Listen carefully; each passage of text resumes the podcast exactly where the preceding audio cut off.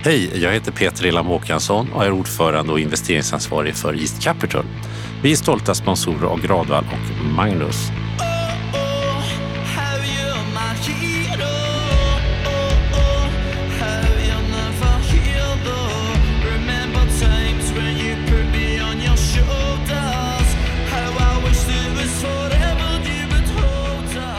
Las Vegas debutalbum räddade dig under finanskrisen. Mm. Berätta mer. Ja, finanskrisen kom ju då efter tio år för oss, 2008. Vi hade haft, eh, drog igång våra fonder 1998. Och det, det var ju otroligt tungt att, eh, eller det är otroligt tungt när man förlorar pengar, andra människors pengar, för det är det det handlar om när man har, driver fonder. Och det blir det är otroligt eh, ska man säga, deprimerande att man jobbar hårdare och hårdare och det är bara negativa resultat. Vad handlade fallet om i procent för er? Om man bara kan säga på ett ungefär då 2008? Ja, det var väl 80 procent eller något sånt där. Så att det är en enorm smäll. Mm, det var en enorm smäll och det kändes väldigt tungt. Och vi hade väl hoppats att det skulle finnas mer stabilitet i Östeuropa än vad som visade sig när man började gräva i olika saker. Vi känner ju väl till vad som hände med de svenska bankerna till exempel. Det fanns problem i Ryssland och det var mycket saker som gjort att eh, ska säga, nu, det ser mycket bättre ut nu än vad det gjorde då. Men det, det, där, det tog ganska hårt. Och, Eh, I samband med det så kom då det här Las Vegas-albumet och jag bor, gjorde som, som eh, tradition helt enkelt att jag, jag, körde bil in till jobbet och varje morgon så satte jag på den här skivan och jag tycker den var helt fantastisk. Jag tyckte också att det var eh, jag älskar musik och jag älskade tidiga U2 och det här kändes för mig som att nästan upptäckt en, en ny U2 Eh, nu blev det inte riktigt så, men eh, det var en fantastisk tid och jag såg, såg dem flera gånger live. Jag tyckte det var otroligt stärkande och den här morgonrutinen var en del av den viktiga tiden att ta sig igenom den ganska tuffa tid vi hade då.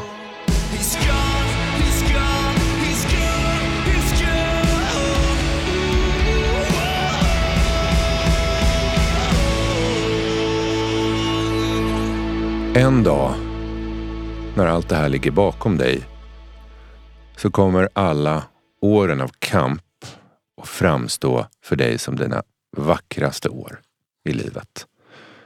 De orden kommer från Sigmund Freud. Och det här avsnittet heter Ensam i mörker. Och det handlar om hur ensamhet, jobbiga episoder i livet, hemska minnen och det handlar om hur de faktiskt kan göra oss till bättre människor. Och ibland rent av mer framgångsrika. Vi kommer vid några tillfällen i det här avsnittet att beröra ämnet självmord. Ta alltid självmordstankar på allvar. Sök hjälp.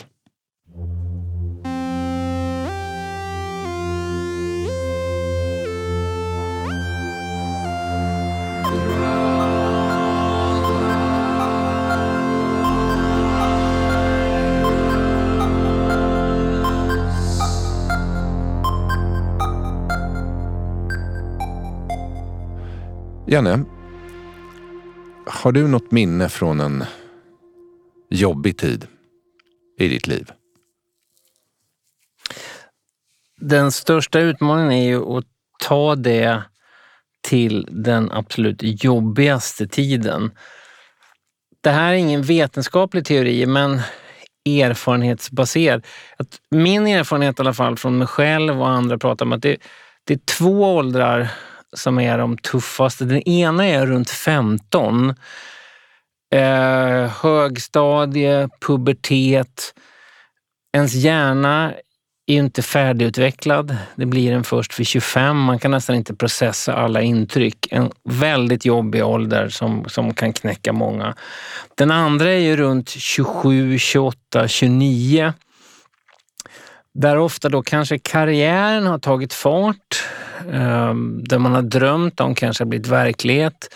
Det finns ju den här makabra Klubb 27 om alla från Amy Winehouse, Kurt Cobain som har dött vid 27 års ålder. Men jag tror att det som är tufft med den åldern, att det man har försökt springa ifrån hinner i fatten helt plötsligt. John Didion har skrivit någonstans att om man inte är vän med den man var under tidigare åldrar så kommer man vakna en natt av att den personen, det vill säga en själv i en tidigare ålder, kommer stå och knacka på axeln och bara finnas där.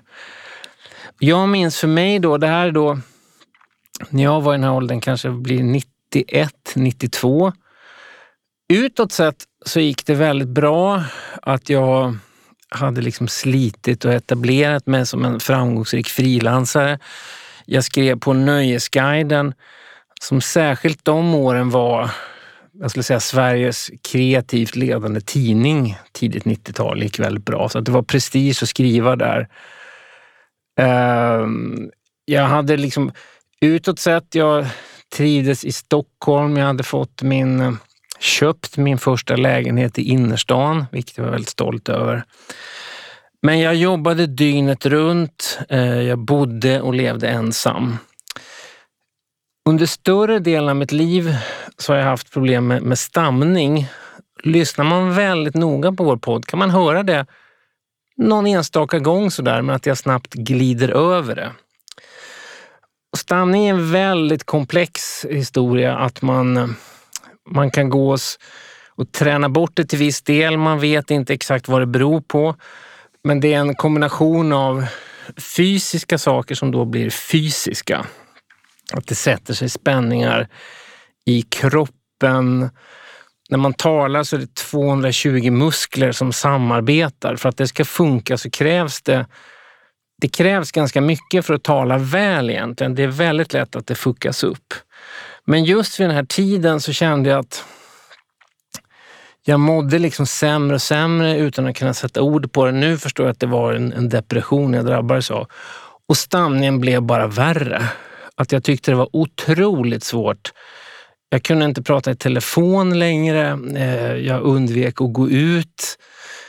Ehm, och, och kände liksom att var ska jag ta mig nu någonstans? Det känns som att allt jag har slitit för håller bara på att rämna och det var en otroligt mörk, mörk period och mörk känsla.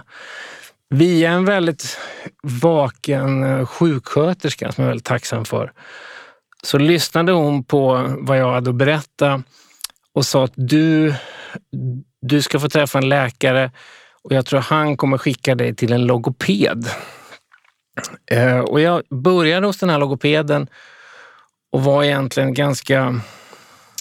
Jag ville bara ha snabbfixen. Jag ville bara att hon skulle lära mig, lär mig tricksen, lär mig andningsövningar så jag inte stammar längre. Hej då liksom. Men det här blev mycket djupare än så. Jag gick hos henne i tio år, ganska ofta. Har fortfarande kontakt med henne då och då. Att jag vet att hon finns där. Eh, och parallellt med det så började jag också gå sen massör samtidigt för att min kropp hade liksom krampat ihop bokstavligen. Jag var så otroligt spänd. Jag hade liksom, jag kan se bilder på mig själv att jag var kupad i, i kroppen. Så att jag tände ut fysiskt kroppen hos den här massören jag gick hos längre och jag tände ut det inre hos, hos logopeden.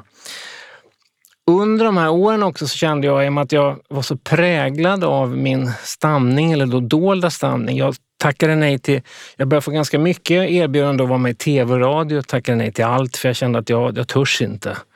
Jag vill inte sitta där och så börjar jag stamma helt plötsligt. Jag kände också på redaktionsmöten och liknande att eh, jag var ju sämst på att verbalisera det jag ville göra. Det fanns alltid folk i rummet som var mycket kvickare än vad jag var. Så jag märkte att mitt sätt var bara att jag måste bara skriva bättre än alla andra. Jag, mina artiklar får tala för sig själva då, bokstavligen. Och så kände jag när jag väl talade så var jag tvungen och ha hela tiden alternativ. Att man har kanske olika ord som jag byter mellan. För jag känner att om jag känner att vissa ord, kanske då med hårt K, P, sådana bokstäver stammar, då måste jag ha alternativa formuleringar i huvudet. Allt den där extrema förberedelserna som är helt i en plan B, plan C, plan D, det tror jag har format mig nu. Att jag har lärt mig att vara väldigt tydlig så att alla ska begripa. Jag har lärt mig att vara ödmjuk och jag tar det inte för givet att jag kan sitta så här som jag gör nu och tala på det här sättet. Så att min mörkaste period eh, som jag är oändligt glad över att den är över och jag önskar egentligen att jag alla hade upplevt den. Men den har påverkat mig. Den har påverkat vad jag jobbar med och den jag är. Jag eh, tänkte på det du sa om teorin att det händer något vid 15 och så igen vid 29. Och de, eh, de två åren plus minus några år förbinds av mig. Dels för att jag vid 17 års ålder är med om ett väldigt brutalt våldsbrott. Alltså ett offer för det. Som på kort sikt så händer nästan ingenting. Tvärtom så blir jag dubbelt så duktig i skolan och försöker liksom verkligen och, och, och verkligen känner heller inget explicit trauma annat än att jag har svårt att sova med lampan släckt. Men det är först några år senare, under 20-årsåldern, som jag, eh, jag börjar bli påmind om en känsla jag hade när jag var, när jag var liten. Som var ett slags utanförskap eller bortanförskap eller vad man nu ska kalla det för. Utanförskap har blivit ett sånt modeord så jag försöker hitta ett bättre ord. Men jag hade verkligen fått för mig när jag var runt 7-8 år att jag egentligen kom från rymden. Och att en vacker dag kommer det komma ett rymdskepp och hämta hem mig. Sen försvann de när jag blev äldre. Men sen på 20-årsåldern så kom om inte tanken så åtminstone känslan tillbaka. Känslan av att leva som i en fiskskål bland andra. Och den hade ett väldigt, väldigt um, mörk dimension märkte jag. För jag pluggade på den här tiden. Um, och det var en massa studentfester och jag bodde i en liten etta på en innergård mitt inne i Stockholm. Och det fanns ju alla möjliga förutsättningar för att ha ett bra liv. Och så eh, blev det ett så här repetitivt beteende att man kanske var på väg till någonting som man såg fram emot. kunde vara en fest. Och sen utan att jag riktigt fattade exakt varför så har jag vänt om och gått tillbaka hem och lagt mig på sängen. Och är liksom konsumerad av ångest, mörker, rädsla, ängslighet. Och åldern nu ungefär?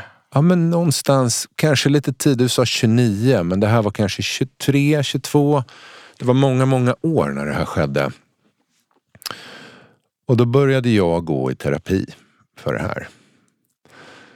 Och det intressanta med terapin var att, och det kan många vittna om, i början på en terapi så försöker man göra intryck. Och då pratar man på. Liksom. Sen var jag med om det här. Först var jag med om det här och mina föräldrar var så här och sen så hände det här och sen så kände jag det här. Men sen någon dag så slutar man ha saker att prata om. Och det är då terapin egentligen börjar. För då tvingas man i rummet associera till terapeuten. Och det var där vi, jag och terapeuten, kom några saker på spåren. Bland annat så var det ju så att jag hade någonstans blivit helt livrädd för det som rörde sig i mitt inre. Ehm, det är ju så att drabbas man av saker i livet, vilket vi alla gör, så kan det ju det skapa både sorg men också enorm vrede och vedergällningslust och ett raseri och en, ett hat som man inte vet vad man ska göra av. Och när den här terapeuten då hjälpte mig att sakta ner tiden, nej men försök att komma ihåg vad, vad hände nu när du var på väg till det där du såg fram emot? Du gick, du hade en systembolagskasse med några burköl i. Du gick från Kungsholmen till Vasastan och så vände du. Kom, kommer du ihåg vad du tänkte? Och det var så länge som jag inte vågade berätta. Eller, för jag kom liksom på, det var som nästan när man åker tåg så skymtar man något mellan träden. Men vad var det där? Och sen så Och så vågade jag inte dela med mig för jag bara, jag kan inte berätta det här för då, då jag är sjuk i huvudet tänkte jag. Jag, jag kommer bli utkastad. Det här är helt fruktansvärt. Men då visade det sig att jag väldigt ofta på såna här promenader då hade väldigt, väldigt aggressiva dagdrömmar. Framför allt riktade mot svaga människor. Så om man kunde gå förbi till exempel en person i rullstol så kunde jag liksom tänka i mitt inre, för fan din jävla idiot, dig borde man bara knulla och rudda, ridda fjärden, helvetes. Och jag blev ju helt livrädd och konsumerad av rädsla och ångest när jag tänkte så. Det är en sjuk människa som tänker så. Jag blev så fruktansvärt förbjudande så att jag straffade i princip mig själv. Och vände på klacken och gick hem. Därför att jag ville på något sätt rädda världen från mig själv och kanske också inte utsätta mig för de tankarna och stänga in mig med dem. Jag var inte värd. Och det tog mig många, många år att komma över det här och igenom det. Och, och som du även var inne på, man kommer ju aldrig riktigt över det, men man blir medveten om det. Det det hjälpte mig att göra genom den här terapin var att lära mig långsamt att bli orädd för allt som rörde sig i mitt inre. Och vi, så grubblande är ett tveeggat svärd. Grubblande gör att man kan skapa, skriva, tänka, lösa problem. Men det är också korrosivt så tillvida grubblar man mycket så grubblar man inåt och tankarna kan liksom fastna långt ner i något av själens många gruvschakt. Och korrosivt betyder ungefär frätande va? Ja, Sönderfrätande. precis. Så, mm. så, att det mm. fräter liksom sönder. Eh, men jag, jag, tror att det mörkret jag gick igenom där, som jag, jag tror egentligen varade hela 20-årsåldern, eller på ett sätt då från kanske 17 fram till sena 20-årsåldern hela räddningen var just att lära mig förstå att det som sker i mitt inre och i mina tankar är en skatt om jag vill ha det till det. Och framförallt inte någonting jag behöver vara rädd om så länge det är någonting som stannar i ens inre.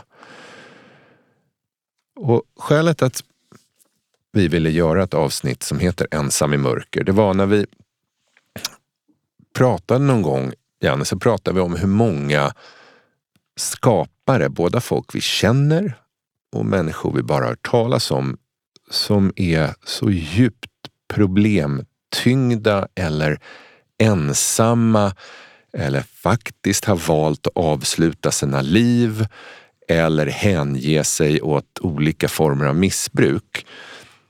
Så jag tänkte vi skulle försöka belysa några dimensioner i det här i syfte inte att det ska vara en sensation utan att det ska göras lite klokare och visare som skapande och, och våga vara ensamma i mörker.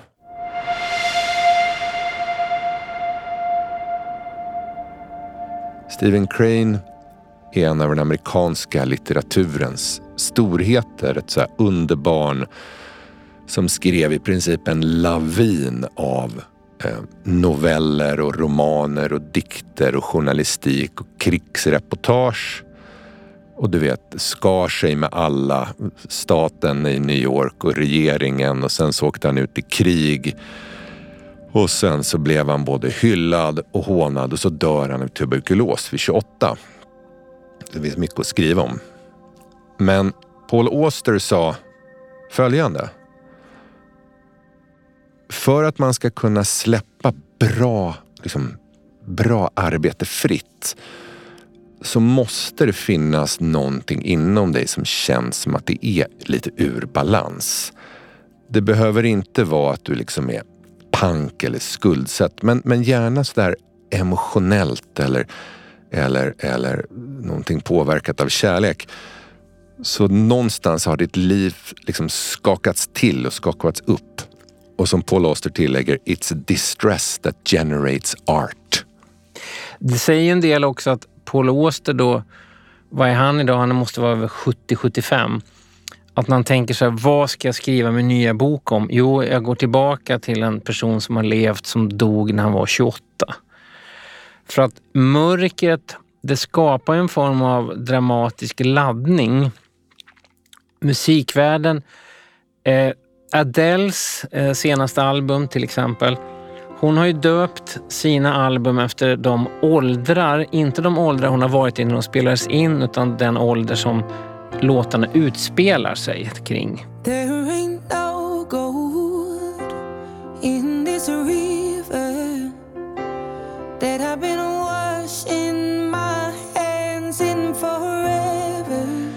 Det är det hon sjunger om och med sin då unika röst får den här kraften. Så att man söker sig till de här mörka perioderna tror jag för att det finns det finns ett behov av att man vill uttrycka någonting som man inte uttryckt. Och rent krast så finns det en sorts dramatik och spänning kring det också. Det är nästan tvärt emot. Alltså man sa att alla lyckliga familjer är lyckliga på samma sätt men de olyckliga är olyckliga på sitt eget särägna sätt. Berömda ryska. Och det är ju faktiskt bra tycker jag för att det, det stämmer ju till viss del. Men det jag skulle komma till var att jag upplever snarare att det är lyckan som identifika, eller förlåt, olyckan som identifikationsförmågan oftast blir större. Det väcker en annan form av empati. Och pratar man om dramatiska verk så är ju konflikten central. Det, alltså det måste hända någonting och det ska gärna vara en motgång. Mm. Annars så blir liksom berättelsen ganska poänglös. Och det gör ju ofta att, att röra sig mot mörkare episoder blir ju liksom en, en naturlig ingångspunkt för det. Jag tänker på hur så den kanske största musan för konsten genom årtusendet har varit religion. Men den lätt näst största musan har ju varit sorg, olycka och misär. Och det är kanske framförallt senaste decennierna i takt med att många länder har släppt religionen, åtminstone många grupper i många länder har släppt religionen. Så om vi bara tar hur mycket liksom, fantastiska saker som har skapat av människor som mår väldigt, väldigt dåligt. Ta två populärkulturella exempel. Smashing Pumpkins, stort 90-talsband, sångaren, erkänt eh, väldigt lång, stor historia med depression. Och deras genombrottsalbum Siamese Dream från tidigt 90-tal med den stora hitten Today vilket eh, Billy Corgan och sångaren har sagt. Det är en hyllning till självmord. Det var det jag planerade nämligen att ta mitt liv efter jag hade spelat in den här skivan. Disarm, en brutalt ärlig ballad som handlar om hans uppväxt med styvföräldrar och barnmisshandel. Han vågade bara vara så personlig en text eftersom han tänkte, jag ska ändå dö snart.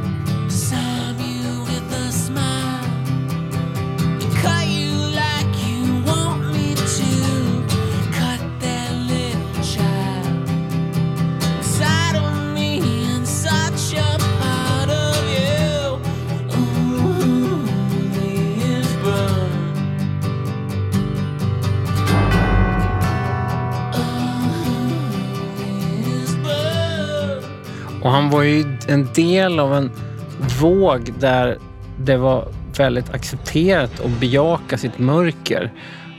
Smashing Pumpkins fanns ju där i utkanten av grungevågen. Eh, och då kan man då titta på Kurt Cobain till exempel, Nirvana. Soundgarden, sångare ett så långt senare begick självmord. Men där fanns ju att man maximal urladdning på scenen men texterna var påfallande mörka. Det fanns det var liksom okej okay nästan att blotta sitt mörkaste där. Om man backar till litteratur, eh, en väldigt intressant podd som heter Once upon a time at Bennington College.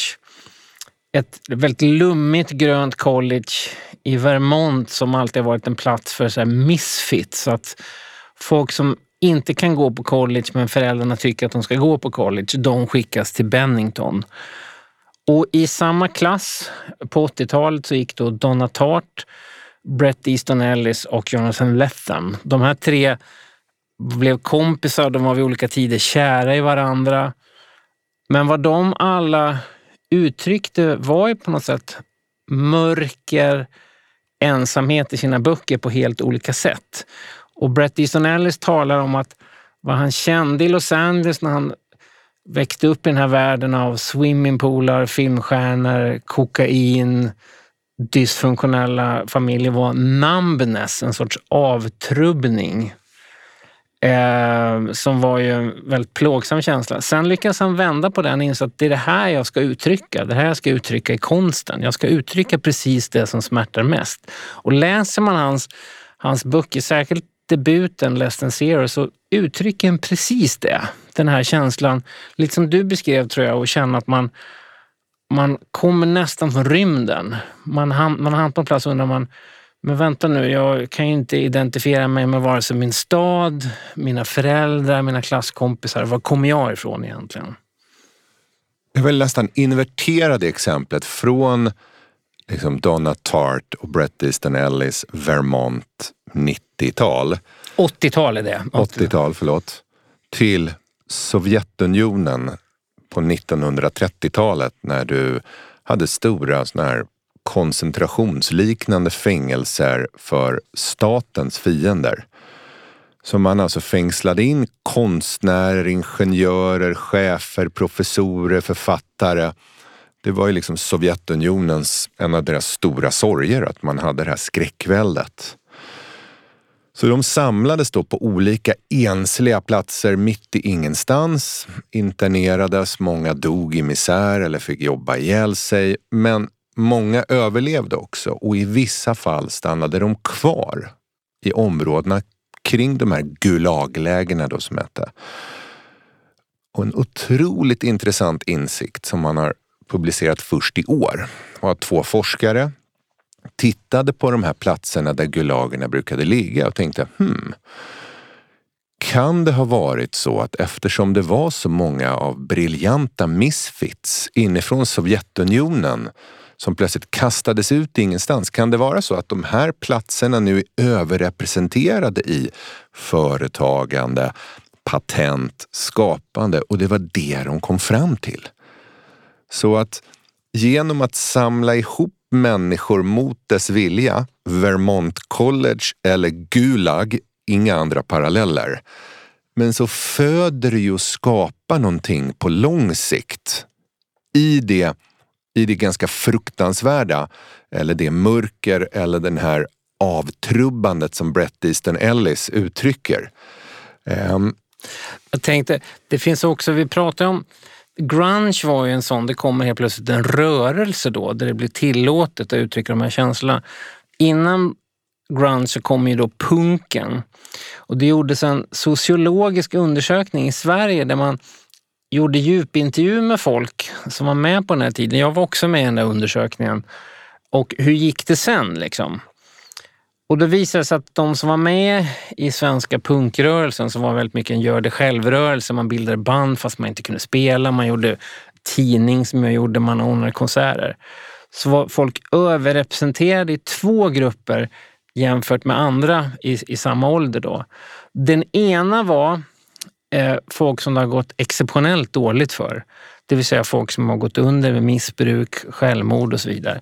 Den andra gruppen var folk som det har gått ovanligt bra för. Som kanske då har startat egna företag.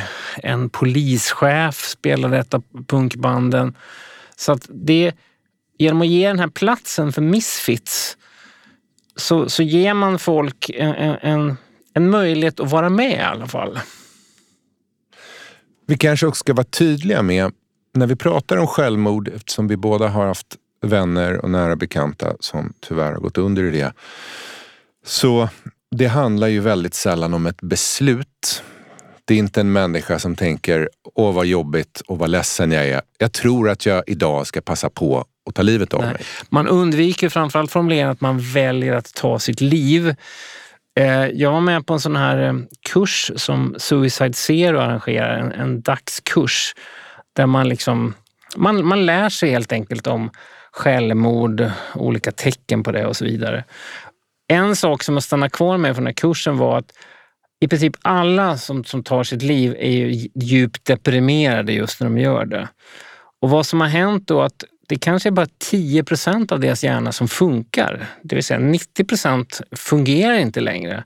Så att det här så kallade beslutet inom citationstecken, det tas av 10 procent i hjärnan. De andra 90 procenten är inte med just då. Det är därför såna här enkla saker som folk kan fnysa åt som högre staket på broar och sånt faktiskt hjälper. För att det är så impulsstyrt i den där mörkaste stunden. Så att kan man bara hejda den så kan man ganska ofta lösa de här otroligt planerade självmorden. De finns men de är ovanligare än vad man tror. Och en hjärna som inte fungerar på full kapacitet, det upplever vi alla fyra på morgonen när vi vaknar till. För fyra på morgonen så vet man att allt känns oöverstigligt. Den där räkningen kommer jag inte ha råd med och kursen kommer jag inte klara av och hur ska jag hinna med det här i eftermiddag? När vi sen är i vaket tillstånd och hjärnan fungerar som den ska igen, då tänker vi ofta varför oroar jag mig så mycket för det där klockan fyra i morse? Så om man vill känna hur det känns att ha en hjärna som fungerar lite sämre, kom ihåg fyra på morgonen och så drar man ner det ännu mer. En människa som, är, som gråter, eller en människa som är arg, det är väldigt ofta ett friskhetstecken. Det är avtrubbningen man ska vara lyhörd på. Det är därför jag alltid tänker på Karl Ove Knausgårds citat från Min kamp som, som berörde mig så starkt. För han skrev så här om självmord. Jag lekte med tanken på självmord. Det hade jag gjort sedan jag var liten och föraktat mig själv av den anledningen. Det skulle aldrig hända. Jag hade för mycket att hämnas, för många att hata och för mycket ogjort för det. Det är ju en frisk människa. Det är en frisk men lysande. Som ändå rör sig och är medveten om det här mörkret. Och ska man kunna spela in en skiva eller en låt eller skriva så måste ändå hjärnan fungera. Jag tänker ju även på, på när vi pratar om verk som inspireras av mörker och jobbiga episoder om Dixie Chicks låt Gaslighter.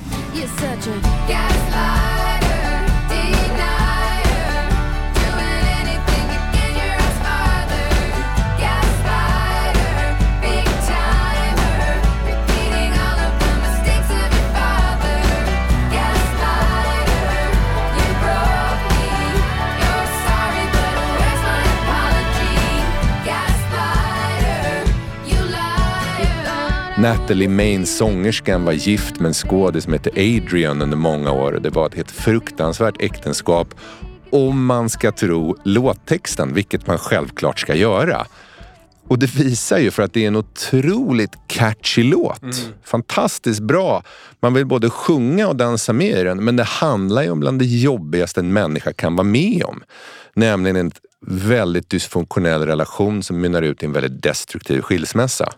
Och gaslighting, det uttrycket, man hör ju det i USA mer. I svensk finns det något bra uttryck för det? är det att man någon nästan manipulerar omgivningen.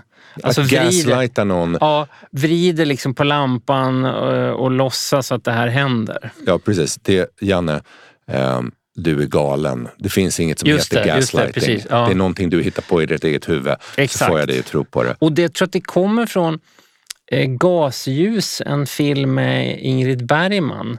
När hon lever precis i en sån omgivning att alla får henne att tro att hon är galen genom det här. Jag tror det i alla fall.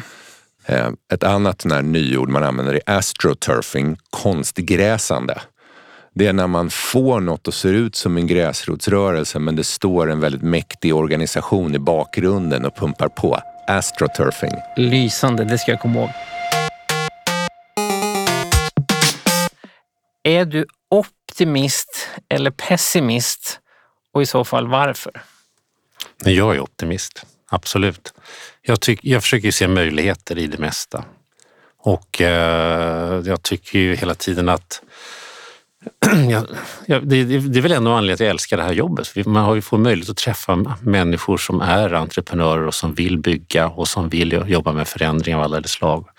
Och det är ju fortfarande det, det, roligaste som finns tycker jag, att träffa bolag och komma ut och se alla dessa enormt mycket drivna människor och, och se fabriker och se eh, anläggningar överhuvudtaget. Det, är, det finns inget som slår det.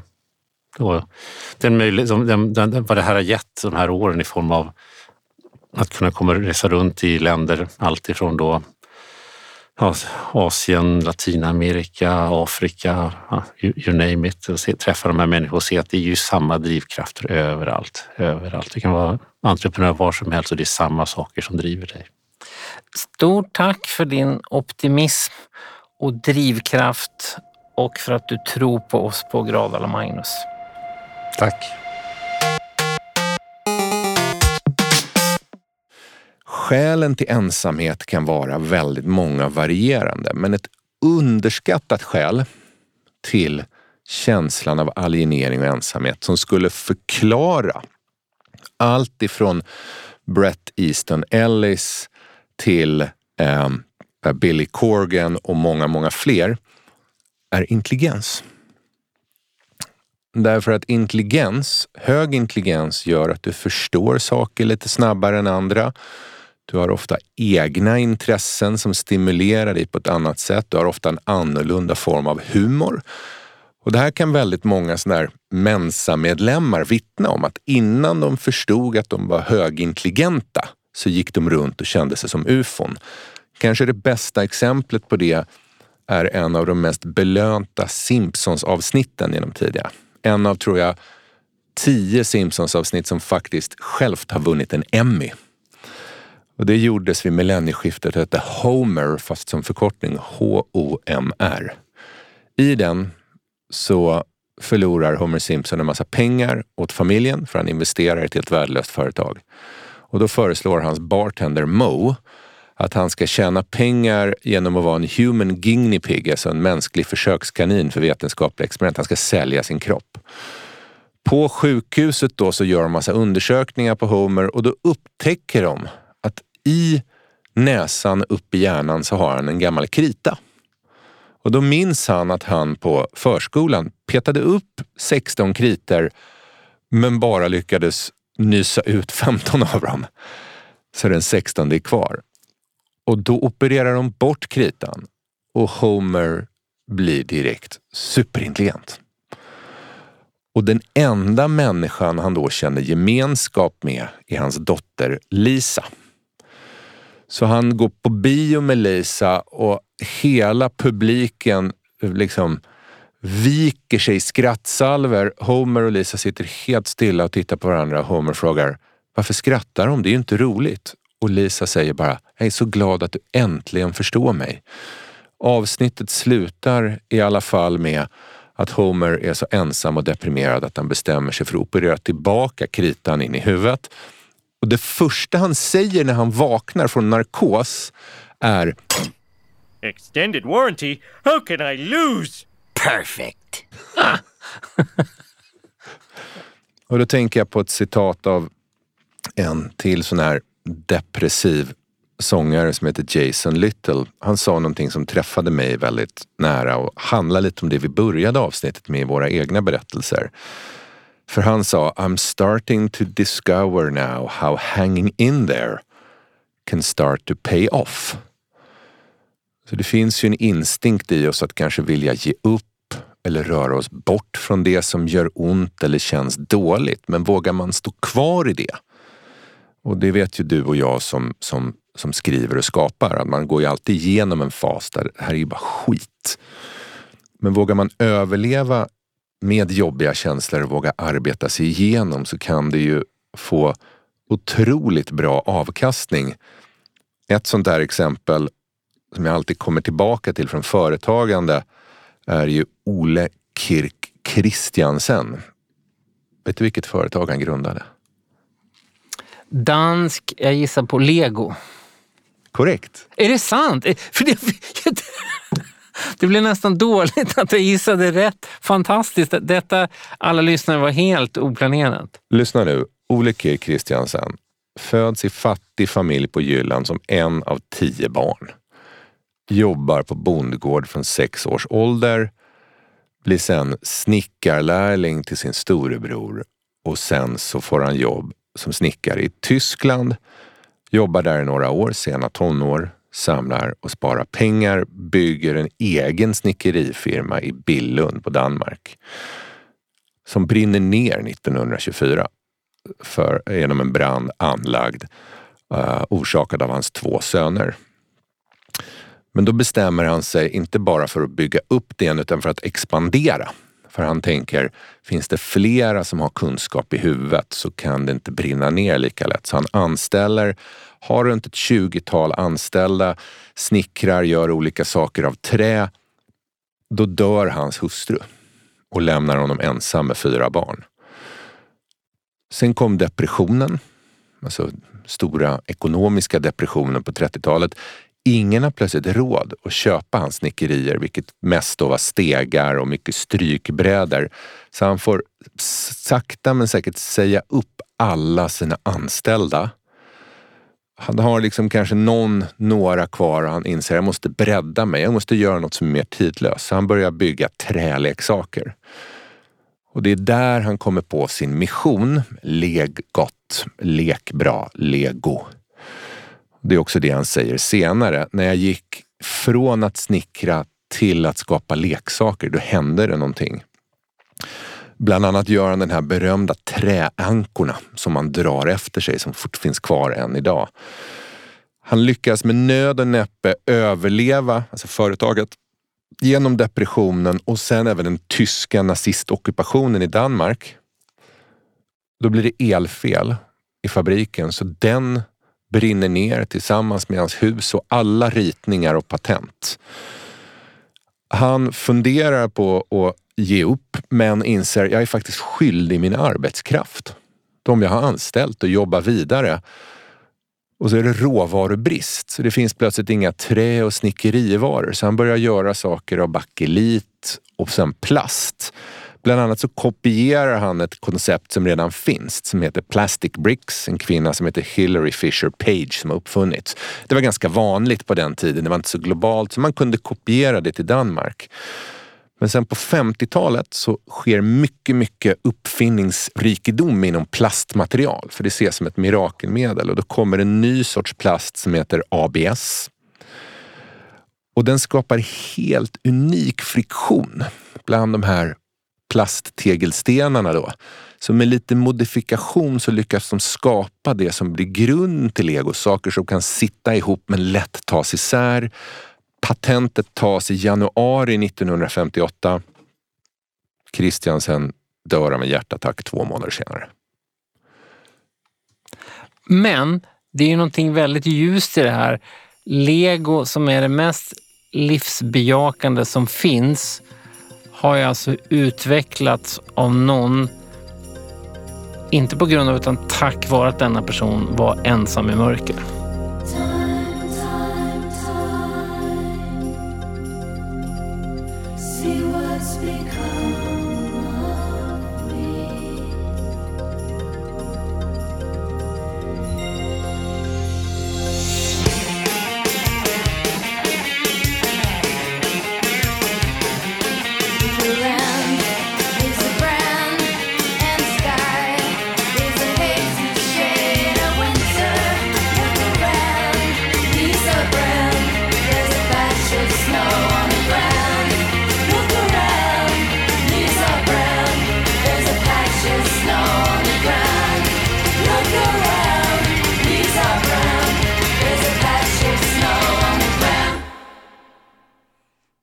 Du har lyssnat på Gradvall och Magnus. Inspelningsstudion var A1. Ljudtekniken hette Jonas Sjöberg. Formgivaren Nina Ulmaja. Ett stort tack till vår sponsor East Capital. Och du, glöm inte att köpa vår bok Kreativ friktion som finns ute nu på Volante förlag.